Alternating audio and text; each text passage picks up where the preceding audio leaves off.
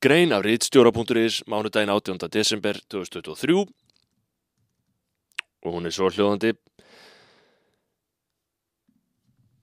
Fyrirsögn í alvöru samt ekki kaupa bækur í bónus. Með fullri virðingu fyrir Ester í bónus eru aðrir líklegri til þess að halda lífi í ævafornri bókmenningu í Íslendinga.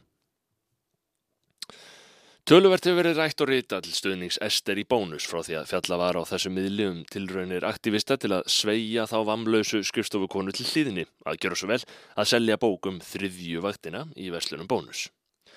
Skandallin hefur raunar undið svo upp á sig að Þorstein Einarsson í kallmennskunni fann sig knúin til þess að byggast afsökunar á kúunatilbörðunum í innblásinni afsökunarbeðinni á Instagram.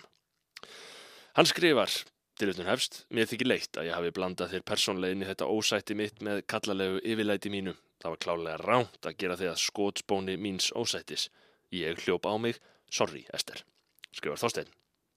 Hann heldur áfram, Ég líti á mig sem karlrembu í bataferli, ferli sem mun verið gangi út lífið, insýn mín í viðfóngsefni mín, þriði vaktina og skadlega karlmennsku, er minn helsti styrkleiki en á sama tíma veikleiki, sérstaklega þegar ég gæti ekki að mér og vanda mig.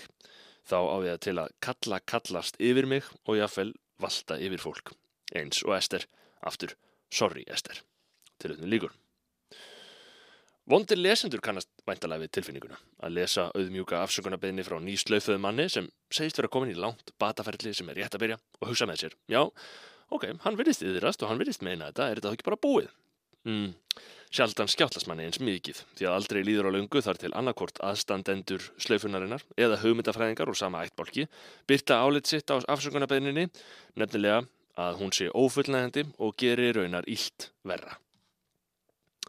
Það er svalandi að sjá lóksins vondafólkið fá ófullkomna afsökunarbeðni af sama toga til að tæta í sig eins og einat eru örlög þeirra afsökunarbeðina sem koma frá verri gerendum í þessum hefðbundum málum. Í aðtóðsöndum og víðar á netinu eru Þorsteini ekki gefin einn gríð þráttur afsökunarbeðnina og honum er meira segja brísla sjálfum um að hafa framið kynbundna net árás drifna áfram af eitræri kallmennsku. Það er í nérstu með að minnstakosti tvær af sjö döðasendum. Áfram heldur sem sagt miskunnulegs gengisfelling grundvallar hugtaka á báða bóa. Virðistu þetta allt til lítils og nokkuð marklaust en við skulum vona að þetta flíti að minnstakosti aðeins þeirri þróun sem er þegar hafinn að menn sammælist um að hafna alveg skadalegum hugtökum á borðið eitraða karlmennsku og öðrum kúnatækjum úr sömu kistu. Þetta snýst um hambúrgarrygg, ekki bækur. Annar lærdómur ofnberast okkur í þessu máli sem er hættið að fara fram hjá okkur í öllum hasarnum sá er að við eigum auðvitað ekki að kaupa bækur í bónusum jólinn. Guðmundur Marteinsson framkvæmtastjóri lísti í viðtali við vísi þeim aðferðum sem verslunum beitir þegar valdar eru einn bækur. Ester, sem alltaf velur þessa bækur, stiðist að hans sögn við meðmæli stærri útgefenda og einstaka tilvíðina kendar fyrirspurnir frá viðskiptafinnum. Almennt komast að lókum bara fáar útvalda bækur að. Lesist. Hér er markaðslögmálum fyllt af köldu hlutleysi og lítið sem ekkert tillit tekið til aðstæna rítöfunda og smerri forlaga.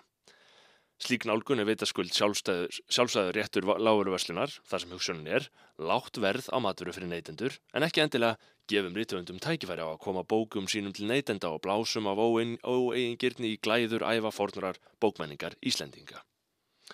Þar sem megin markmiði bónus er að selja matvöru er arðsemiskrafan á hverja selda bók bjöguð Hlutverk bóksölunar er mun frekar hann að hagnast aðalega að fá viðskiptavinni á staðin til að kaupa hambúrgarrygg. Ef neytendur taka ekki sjálfur önnur sjónamið inn í jöfnuna eftir fremsta megni er hætt við að niðurstaðan verði sífælt vonlausari staða bókabúða. Í dýrtíðinni kann það að vera hæpinn málstæður að hvetja fólk til þess að styðja sérstaklega við bókabúðir sem sannlega selja bækunar oftast örlítið dýrar en ef það er ekki gert mun alvöru bókabúðum halda áfram að fækka með hverjum jólunum. Bókabúðir eru sannlega einhverjar allra skástu verslani sem til eru. Stuðlum ekki að útrýmingu þeirra, ég vonum að spara okkur þúsungall, með fullir vinningu fyrir Ester í bónus, eru aðrir líklegri til þess að halda lífi í ævafornari bókmenningu Íslendinga.